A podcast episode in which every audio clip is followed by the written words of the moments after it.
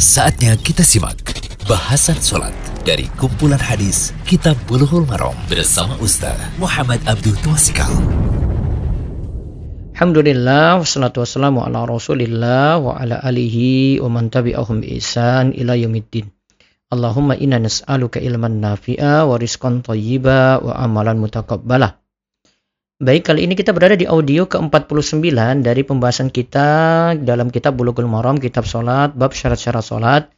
Kita lihat hadis ke-220, kali ini membicarakan tentang larangan berbicara dalam salat dan hukumnya bagi orang yang tidak tahu. Ya, kalau ada orang kok tiba-tiba ngomong dalam sholat dia nggak tahu itu bagaimana juga gitu kita bahas di sini. Hadisnya hadis nomor 220 dari Muawiyah bin Al-Hakam radhiyallahu anhu qol ia berkata qala Rasulullah sallallahu alaihi wasallam Rasulullah sallallahu alaihi wasallam itu bersabda inna hadhihi shalah la yasluhu fiha syai'un min kalamin nas innama huwa tasbih takbir wa qiraatul Quran Uh, sesungguhnya sholat ini tidak lain di dalamnya ada suatu perkataan manusia di sholat itu tidak boleh ada perkataan manusia, ia hanyalah tasbih. Dalamnya itu hanya adalah tasbih, ada takbir, dan ada bacaan Al-Quran. Hadis riwayat Muslim. Nah sebenarnya hadis secara lengkap itu seperti ini ya. Hadis dari Muawiyah bin Al-Hakam Al-Sulami. Ia berkata, suatu saat aku sholat bersama Rasulullah Shallallahu Alaihi Wasallam. Ketika itu ada seorang yang ikut sholat, dia itu bersin. Aku kemudian membalas ucapan tahmidnya. Jadi dalam sholat ini ada yang bersin. Eh, kan biasanya yang bersin itu kan baca alhamdulillah. Ya, dia baca alhamdulillah dalam sholat. Terus uh, Muawiyah ini jawab dengan membaca yarhamukallah, semoga Allah merahmatimu. Lalu orang-orang lantas memandangiku, ya karena Muawiyah kan ngomong saat sholat tadi jawab ya. Orang-orang itu memandangiku, kata Muawiyah, aku malah menjawab. Ya, aku malah menjawab ketika itu wasukla ummiyah gitu. Masya'nukum tanzuruna ilayya. Nah, itu dijawab oleh Muawiyah Ya, aku menjawab ketika itu, kenapa kalian memenangiku seperti itu? Nah, kemudian mereka lantas ketika itu faja'alu yadribuna biaidihim al-afkhadhihim.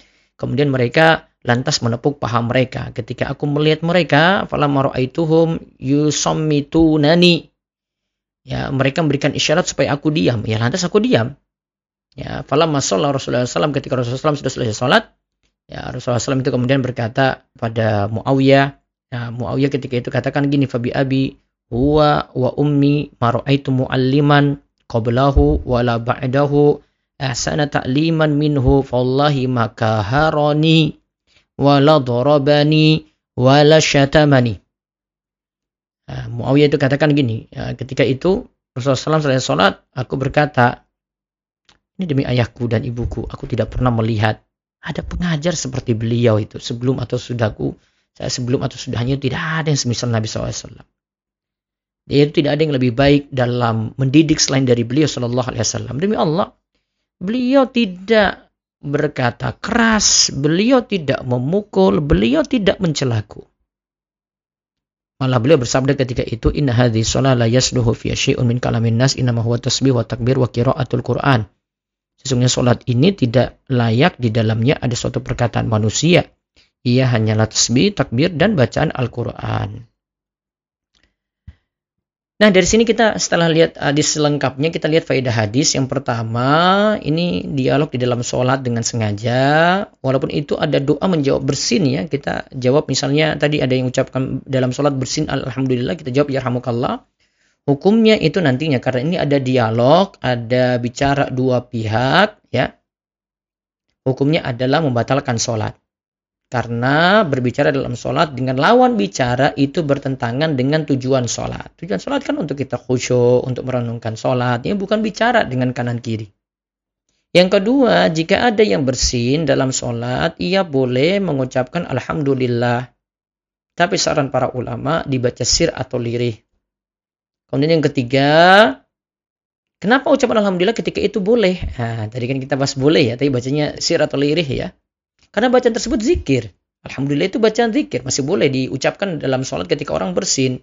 Namun baiknya sir untuk dirinya sendiri. Berarti ya kaidahnya, ingat ya. Disunahkan zikir dalam sholat itu dibaca sir atau lirik. Kecuali ada tuntunan dalil untuk menjaharkan. Lalu yang keempat, hadis ini jadi dalil berbicara dalam sholat dalam keadaan tidak tahu akan keharamannya dihukumi sholatnya sah. Dihukumi sholatnya sah dan sholat yang dulu-dulu tidak perlu dikodok. Nah, ini ini tadi pertanyaannya gimana? Um, ya sholat yang dulu-dulu mungkin pernah lakukan seperti itu. Nah, ini tidak perlu di, eh, dikodok yang dulu-dulu. Karena baru tahu keharumannya kan. Sholatnya tahu, eh, sholatnya itu sah dan tidak perlu kodok yang sholat yang dulu-dulu. Karena Nabi Shallallahu Alaihi Wasallam tidaklah memerintahkan Muawiyah untuk mengganti, mengulangi sholat-sholatnya yang dulu ada. Ya, tidak mengganti sholat-sholatnya yang dulu ada. Terus yang kelima, kaidah penting lagi ya. Pembebanan suatu hukum dilihat dari adanya kemampuan ilmu dan beramal. Kemampuan ilmu dan amal ya. Jika tidak mampu dalam ilmu dan amal, maka tidak dibebankan hukum tersebut. Pembebanan hukum itu setelah adanya ilmu atau kaidahnya dikenal dengan istilah para ulama at-taklif ba'dal ilmi. At-taklif ba'dal ilmi. Hukum itu setelah adanya ilmu dulu. Pembebanan suatu hukum itu setelah adanya ilmu.